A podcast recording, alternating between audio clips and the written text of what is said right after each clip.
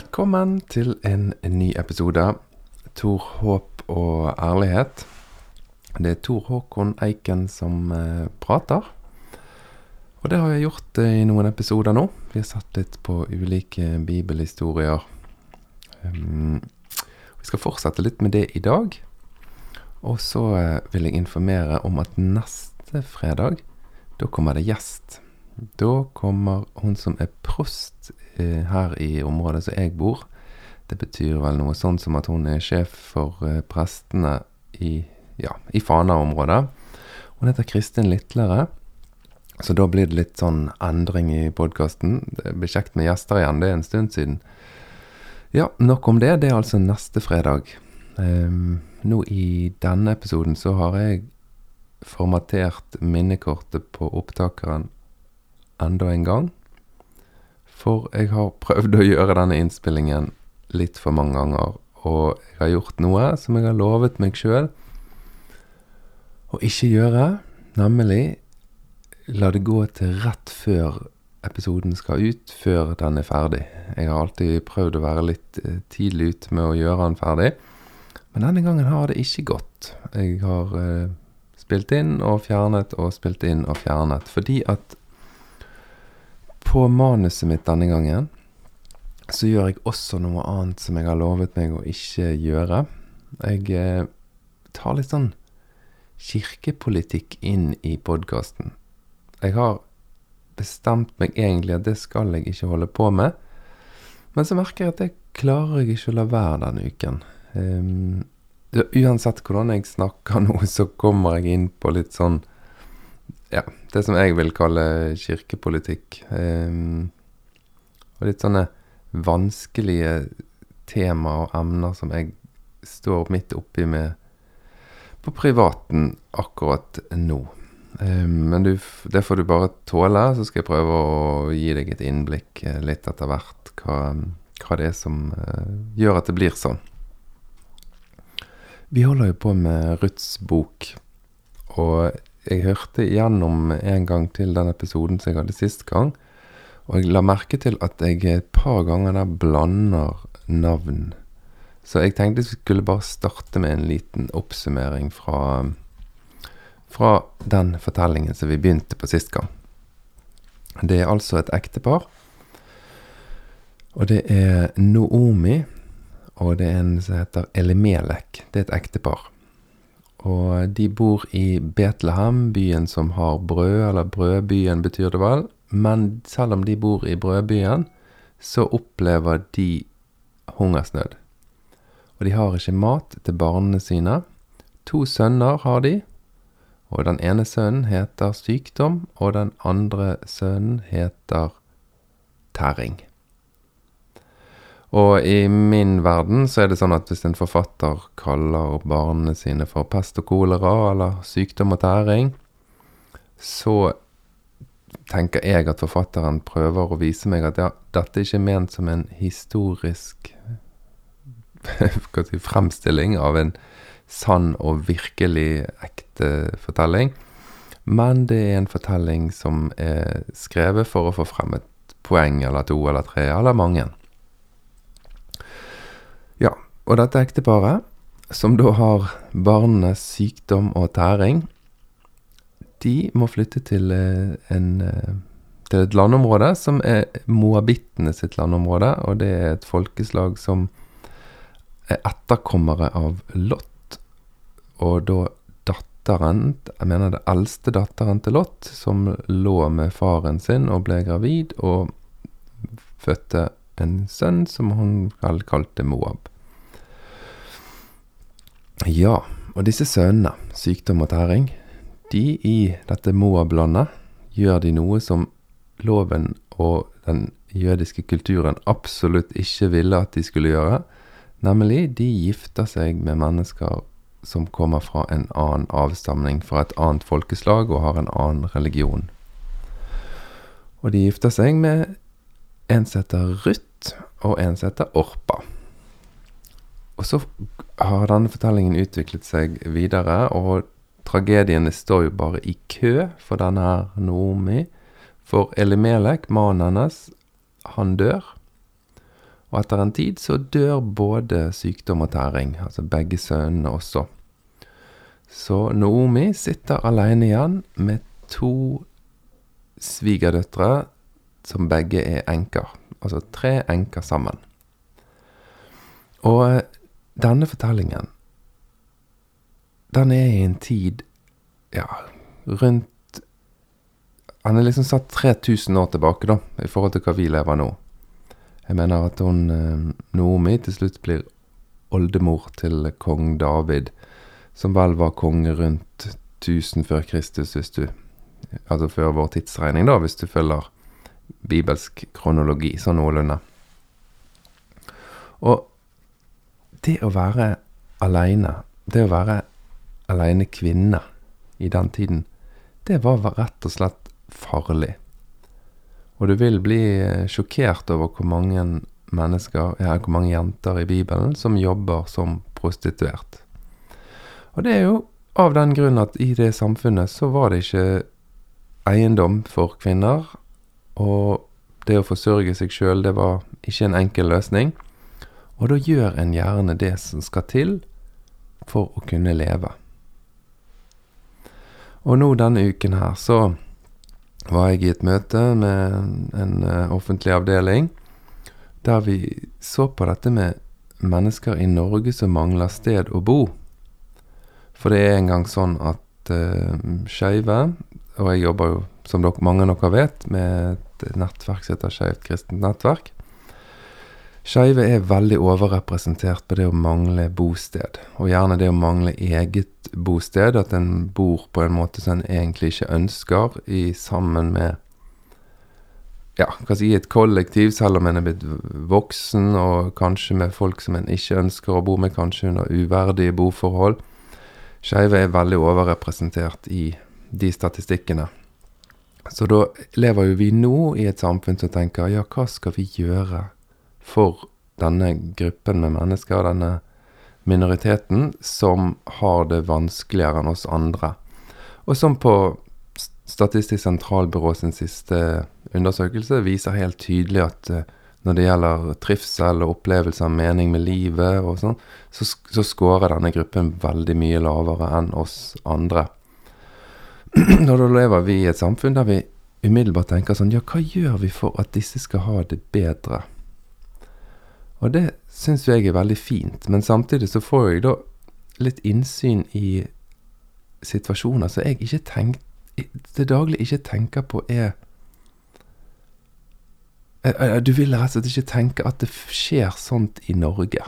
Du bare jeg har, jeg har lyst til å lukke øynene for det, og har lyst til å ikke, på en måte ikke vite det. Men samtidig så er det sunt for meg å få vite det. Da kunne en eh, kunne Jeg fikk høre fortellinger om spesielt innvandrere, innvandrere som er skeive. Og hvor farlig det er for de å fortelle på asylmottaket der de gjerne da bor, at de er skeive. Og for mennesker da som er synlig skeive, så er det rett og slett farlig å bo på asylmottak. Og da må en gjerne rømme. Og når du rømmer fra et asylmottak, ja, da er du utenfor beskyttelsen for loven og systemene som skal fange deg opp og hjelpe deg til en Kanskje til et studie og til å bli integrert på en god måte i samfunnet, og kanskje få din egen bolig etter hvert ja, da er de rammene de blir vekke fordi at du har rømt, sant. Men du har jo rømt fordi at du måtte rømme, fordi at det er farlig å være den du er der. Og så lever du i Norge. Dette er sånn som du kanskje ikke tror skjer, men da lever mennesker i Norge uten beskyttelse og frykt for å bli oppdaget. Og en blir overlatt til de som viser litt nåde. Ja, neimen ok, det er kjempekaldt her i natt, så da kan du sove hos meg. Og uansett hvor sivilisert og hvor langt vi har kommet i vårt samfunn, så viser det seg da at betaling for bosted og overnatting, ja, den skjer gjerne gjennom naturalia, for å si det på en utrolig teit måte. Altså en, en, en rett og slett må selge seg En må ha sex med mennesker for å ha et sted å bo. Og for å døyve de problemene og de følelsene som oppstår i kjølvannet av en sånn situasjon, så er det gjerne lett å ty til rus. Så da, da er vi i Norge, et godt land å leve i, og så ser vi at vi har mennesker som kommer til vårt land, eller som bor i vårt land, ikke kommer til vårt land, men er vokst opp i vårt land, som har det uendelig vanskelig og sliter med å finne seg et sted å bo. Og da Jeg satt jo der og tenkte det syns jeg er veldig interessant, for her jobber jo jeg da i disse episodene med en fortelling om et ektepar som flykter fra sult, og som opplever enorm sykdomsforfølgelse, nesten, der eh, begge barna dør, og mannen dør. Og så er det noen kvinner som sitter igjen i en samfunnsstruktur der en kvinne ikke har beskyttelse. Og så leser vi da om hvordan ordner de seg. Den ene svigerdatteren, eh, Orpa, hun hører på svigermoren sin, eh, Nomi, og Nomi sier du må finne deg en mann i ditt eget land, hold deg til dine guder og til ditt folk, og bli integrert i ditt samfunn. Ja, og så gjør hun det.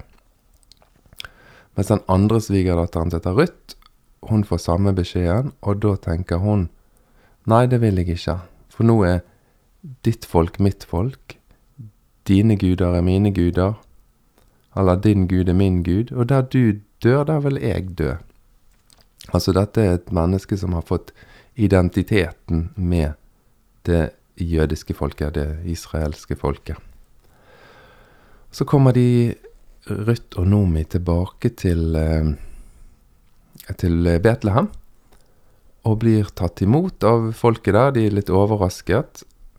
Men her er det altså en flyktning som kommer til Betlehem sammen med en som har rømt fra det landet tidligere, eller den byen tidligere, og så kommer også tilbake.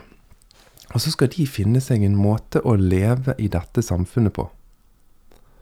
Omtrent som disse ungdommene som da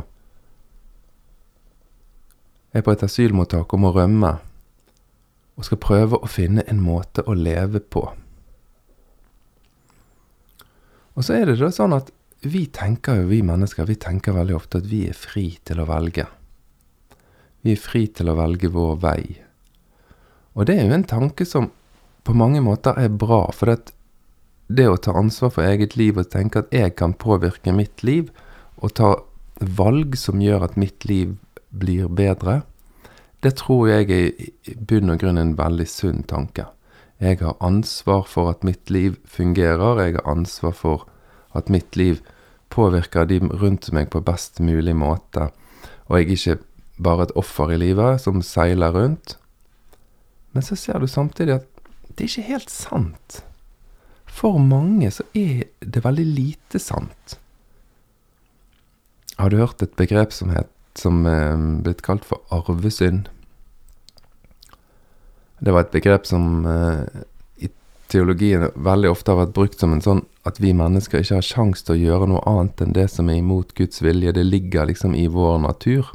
Arvesynd. Vi har arvet det helt fra Adam og Eva som gjorde opprør. Jeg tenker kanskje mer og mer at noen av disse her rammene for livene våre, det er en arvesynd. Altså hvis du, uansett da, i dag, om du velger at nei, jeg er individuell, og jeg har ansvar for mitt liv, og jeg vil ikke forsterke avstanden mellom rik og fattig. Ja, det er nesten sånn at du ikke kan det. Du er nesten bundet til et system som gjør at sånn er det bare. Rike blir rikere, og fattigere blir fattigere.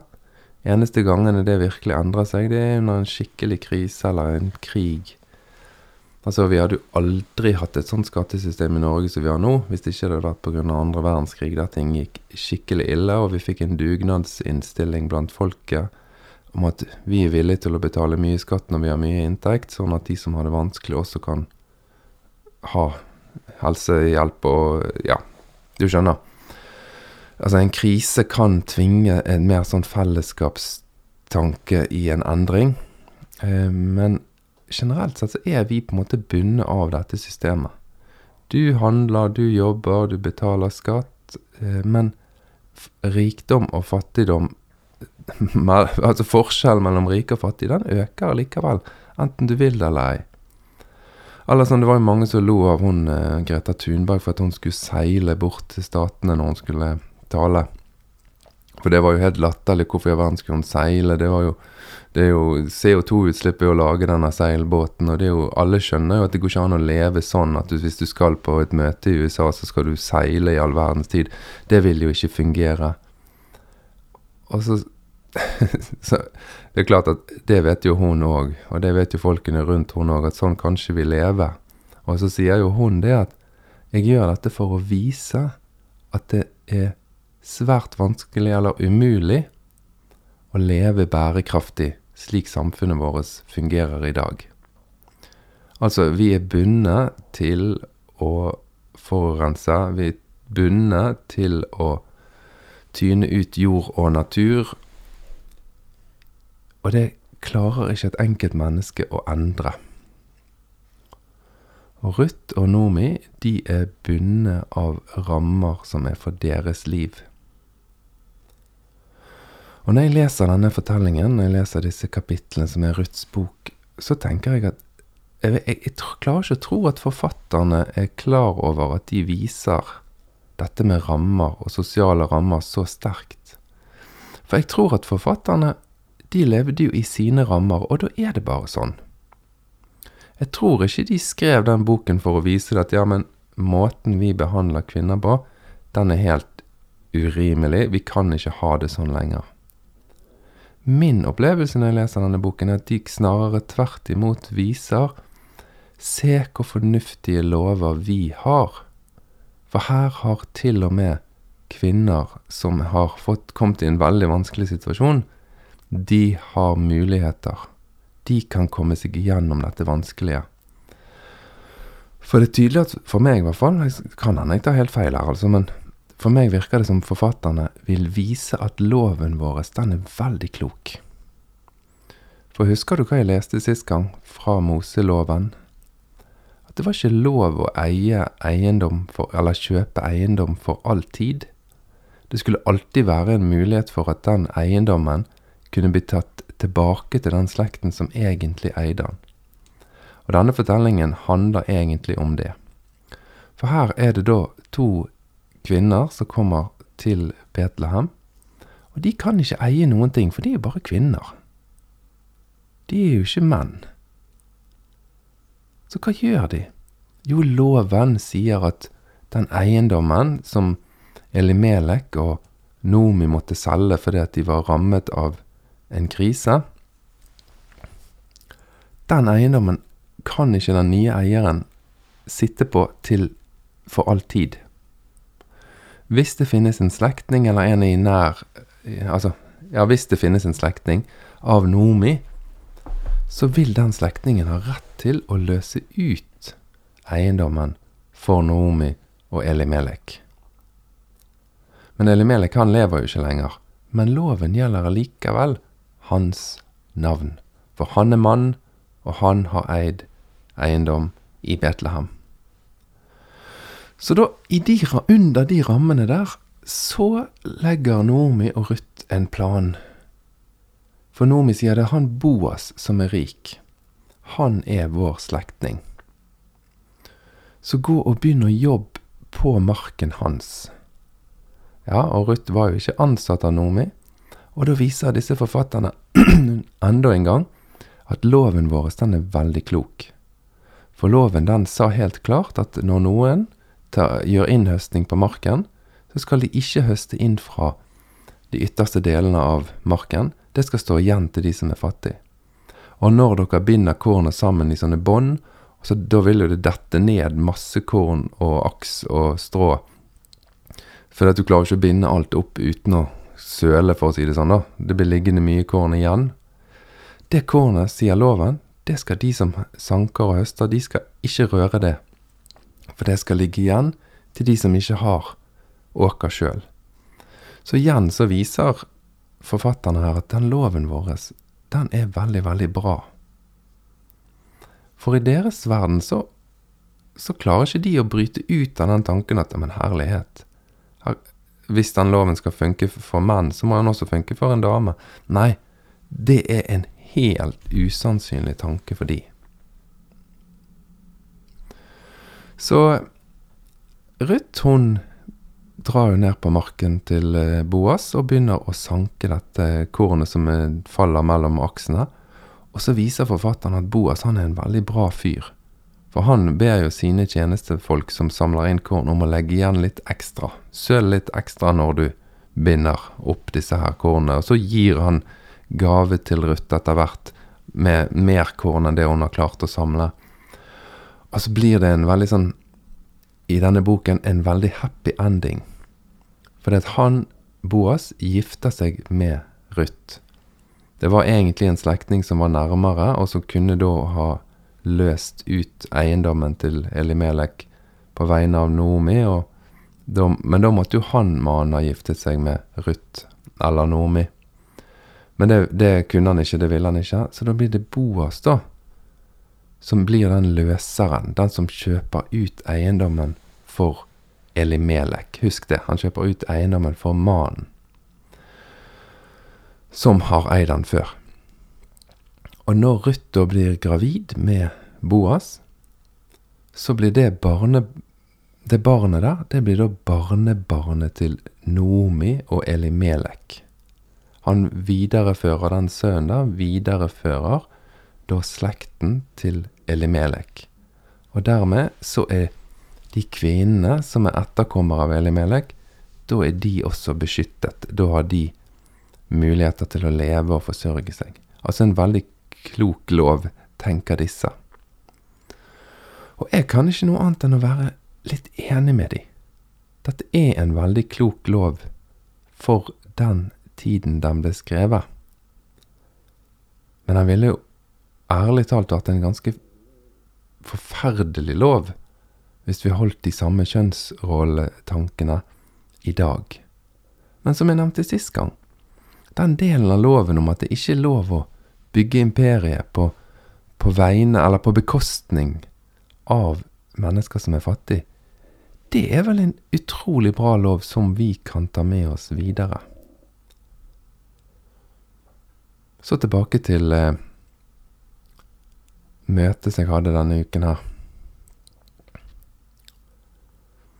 Hva er det som gjør at vi kan leve med rammer og setninger som gjør at skeive kan ha det så vondt. Og da er jeg inne på det som jeg sa i starten, at jeg klarer ikke å la være å kommentere dette. For jeg har jo jobbet nå i noen år med å prøve å komme i dialog med kristne organisasjoner der jeg ser, og det, det trenger ikke du å lure på om er sant, jeg ser at unge som vokser opp i de organisasjonene og, har, og er skeiv, har det fryktelig vondt. Og jeg har fått bekreftet det gjennom ulike møter nå i, med offentlige instanser. De er klar over at det er skeive som vokser opp i religiøse sammenhenger, har det vondere enn skeive generelt. Og da er det faktisk sånn at fortsatt i vårt samfunn så er det vanskeligere å være homofil, bifil, lesbisk, transkjønnet. Når, når du er LHBT-person, så har du det vanskeligere generelt. Og hvis du i tillegg er vokst opp i et religiøst miljø, så har du det enda vanskeligere. Og jeg har prøvd over flere år nå å gjøre kristne skoler oppmerksom på dette, gjøre menigheter oppmerksom på dette. Men det er ingen som vil snakke om det. Det er ingen som vil si det at ja, min undervisning, min teologi, det som jeg står for, har veldig negative følger for livskvaliteten for en gruppe mennesker. Det er som om disse rammene, disse, disse tankene, de bare må være der. Og så skrev jeg en takk til noen rektorer i Oslo som sier det at vi vil ikke lenger samarbeide med organisasjoner som står for et syn som forsterker denne smerten for LHBT-personer. Så da skrev jeg i Vårt Land takk, rektorer, for at dere står opp for disse. For jeg møter mennesker til stadighet og får telefoner fra foreldre som er fortvilet fordi de har ikke kontakt med sine barn lenger. Og de kan ikke forstå hvorfor. Og når jeg begynner å spørre disse foreldrene om hvordan de tenker om sitt barn, så viser det seg gjerne at de tenker at neimen, de har jo Gutten vår valgte jo å være homofil. Nei, sier jeg, det gjorde han ikke. Og du er faktisk bare nødt til å klare å endre den tanken. Hvis du tenker at noen velger legning, at noen velger å være transkjønnet og derfor må rømme fra sitt eh, asylmottak, eller eller derfor må oppleve ekstreme stigmaer og utestenging fra menigheten, og en blir latterliggjort og brukt som et eksempel på at ja, vi kan jo ikke ha disse menneskene jobbende i vår barnehage eller søndagsskole. Altså, vi vil jo ødelegge disse barna. Altså, folk vokser opp med sånne tanker. Ja, de tankene må du faktisk bare glemme. Det er ingen som velger den veien. Dette er den en er. Og så det å skrive at takk, Oslo-skoler, som endelig Endelig kjente jeg at jeg har litt respons. Her skjer det noe. Her er det noen som reagerer på at sånn struktur kan ikke vi ha. For det er engang sånn at den formen for diskriminering, den er beskyttet av norsk lov. Ja, dette er en religiøs skole, så da har en lov å si at her kan ingen homofile eller lesbiske eller transpersoner eller bifile som lever i et eh, likekjønnet forhold De kan ikke jobbe her. Vi kan ikke ha det sånn. Vi kan ikke, de, nei, de skal ikke ha jobb på vår skole. Det sier norsk lov at det er greit. Det er en ramme som var. Nei, som er satt. En ramme som var satt, det var jo at det var lov å diskriminere på bakgrunn av kjønn tidligere. Nei, vi kan jo ikke ansette en kvinne i denne jobben. Nei, du er kvinne, så du får ikke denne jobben. Det var en ramme som var satt, men som i dag for oss er helt utenkelig. Jeg tror at denne rammen som er satt i norsk lov om at det er lov å diskriminere på bakgrunn av legning, det er et tidsspørsmål før den endrer seg. Og det er et tidsspørsmål før vi, før mennesker ser tilbake på den loven og, rister på hodet i like stor grad som du rister på hodet over Ruth-historien. Hun måtte finne en mann og innynde seg med han og ligge med han og få barn med han for at slekten sin eiendom skulle kunne komme tilbake til, til Nomi. Du syns jo det Jeg syns iallfall det er helt forferdelig. Jeg syns jo det er helt forferdelig at vi har mennesker i Norge i dag som må, som må ligge med noen for å ha et tak over hodet. Altså Og jeg syns det er helt forferdelig at vi har en lov som sier at ja, det er lov å diskriminere på bakgrunn av legning, som om det er et politisk valg en har gjort, at nei, jeg er jeg er transkjønnet, jeg. Det har jeg bare valgt for å gjøre livet mitt litt innviklet. Ja, så det skrev jeg i avisen. Takk, Oslo-rektorer som våger å stå opp. Og det har vært en uh, veldig rar uke for meg, egentlig to uker. Helt fra jeg begynte å skrive den artikkelen til han kom i avisen, og til han ble omtalt veldig sterkt i noen sammenhenger, og selvfølgelig meldinger til meg fra folk som mener at jeg er en grusom fyr som ødelegger samfunnet, og som tråkker på den kristne arven. Og som vil ha et Visstnok så går det igjen at jeg vil ha et eller, altså et diktatur der jeg skal diktere hva folk skal tenke og mene. Og så kjenner jo jeg på min side at jeg kjenner at jeg, jeg kan jo ikke la være. Jeg har møtt så mange mennesker som har det så vondt. Jeg har kunnskap om hvor utfordrende denne politikken, religiøse politikken, hvor utfordrende den er for enkeltpersoner. Så jeg kan ikke la være. Og det har virkelig fått meg til å gruble over dette med den kristne troen. Hvordan kan det ha seg sånn at inni meg så er det liksom en sånn varm drive på at Tor Håkon stå opp for de som har det aller vanskeligst her i samfunnet vårt, ditt, der så du bor. Jeg leser Den barmhjertige samaritan. Jeg leser paven sin siste redegjørelse der han sier at det er det er sentrum av den, det kristne livet. Og så tenker jeg ja, men det, det er egentlig bare én ting å gjøre. De som har det vanskelig, de står vi opp for. Men så sier samtidig mange, da, som også deler den samme troen, at det avgjørende for trosfrihet i Norge er at de fortsatt har lov til å diskriminere ved ansettelser. Og på en måte kan du tenke ja, men det er så farlig da om de, folk ikke får lov å jobbe på den skolen. Det, det fins jo hundrevis av andre skoler de kan jobbe på. Ja, men de barna og ungdommene som går på disse skolene, de er i en ramme som de ikke har valgt sjøl, og som de ikke vil kunne velge på mange år. De er Ruth og Nomi som er måte låst av en ramme om at sånn er det. Sånn er livet mitt nå. Og sånn er holdningene til meg. Og de som er rundt meg, de har helt sikkert rett. Så jeg må bare innfinne meg med dette systemet.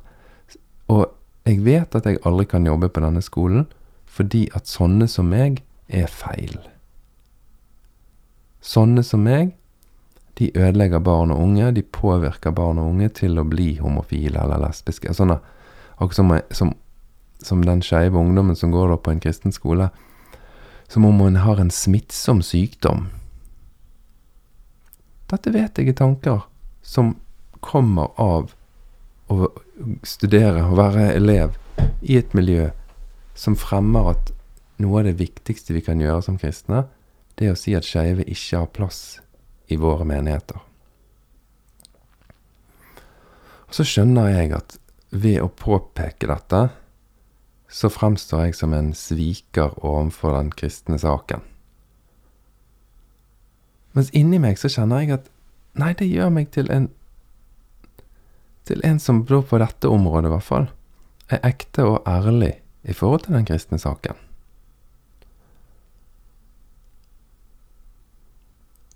Men det får meg virkelig til å undres. For i Bibelen så føler jeg jeg lovet, blir lovet så tydelig at Gud skulle gi sin ånd, og har gitt sin ånd i våre hjerter, sånn at vi kan kjenne òg hva som er rett og galt. sant? Men hvordan kan det da ha seg at mennesker som da ber og søker sannhet og rettferdighet, kommer frem til så utrolig ulike standpunkt? Det syns jeg er veldig vanskelig å forholde meg til.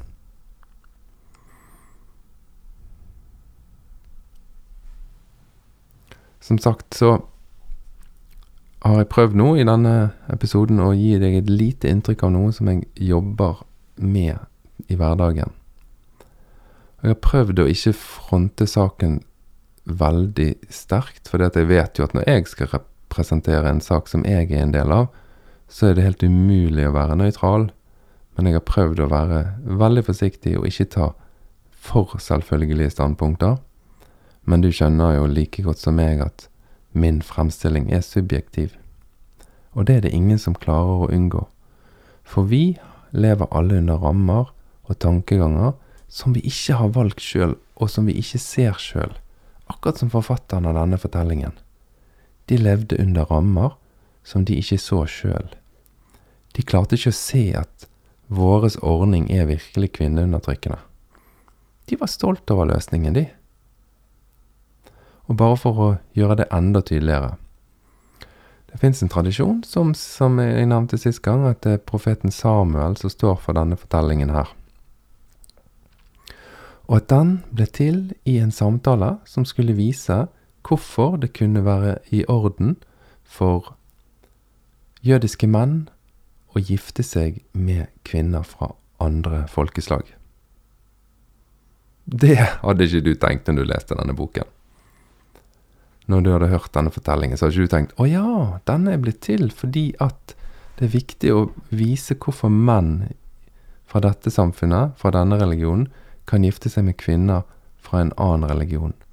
Og da var liksom hovedpoenget at de kvinnene de gifte seg med, måtte være helt overgitt til den jødiske troen.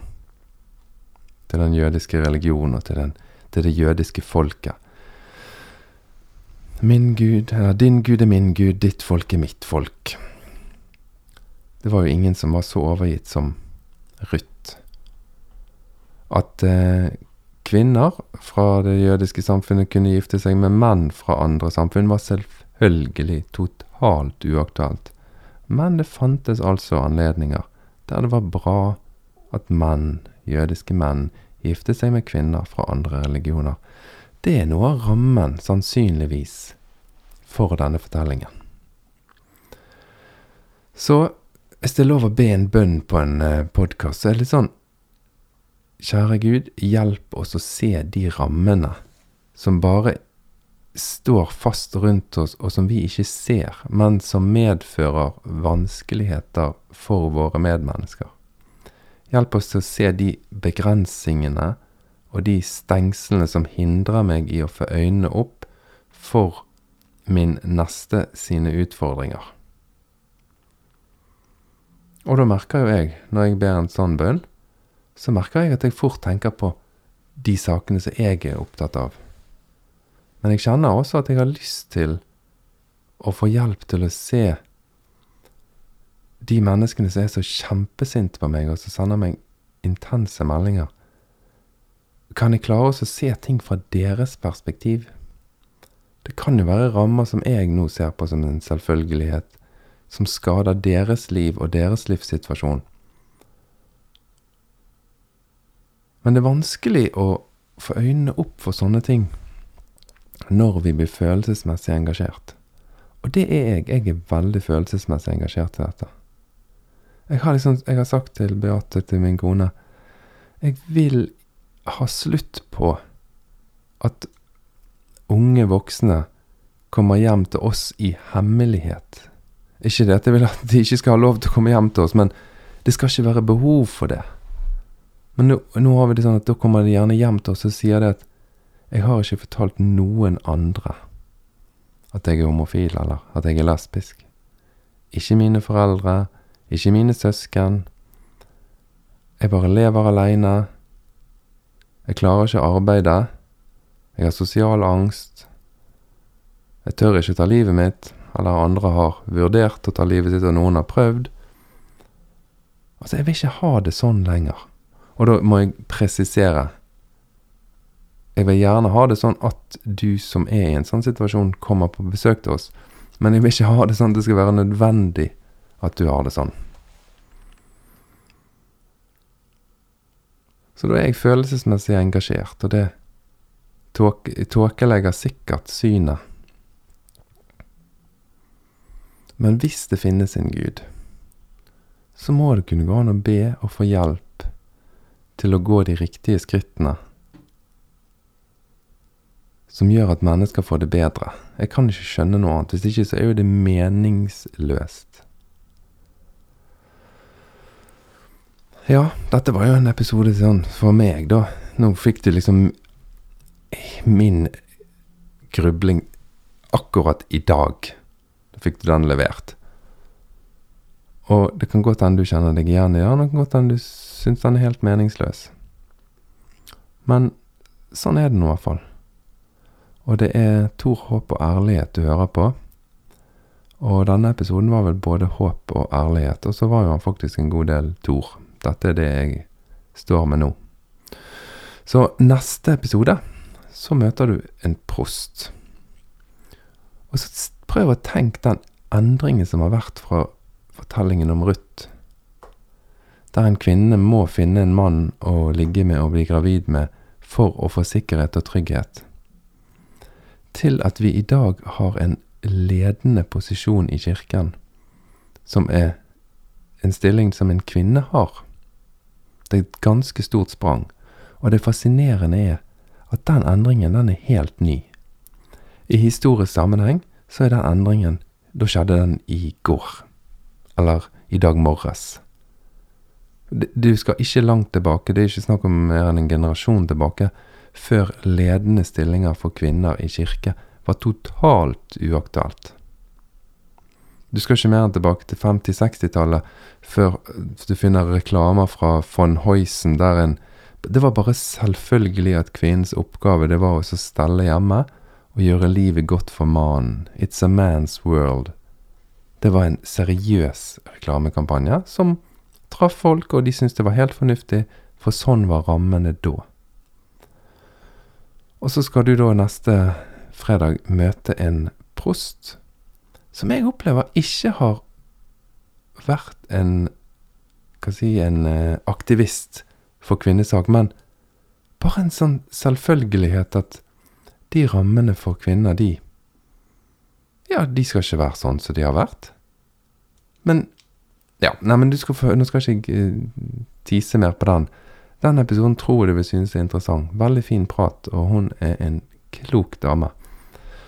Så ha en kjempegod uke, og så høres vi igjen på Tor Håp og ærlighet. Takk til dere som abonnerer, og takk til dere som har registrert dere som Patrion, og takk til dere som sender bestilling på bok. Det er veldig gøy. Nå skal jeg pakke og sende. Ha det riktig bra.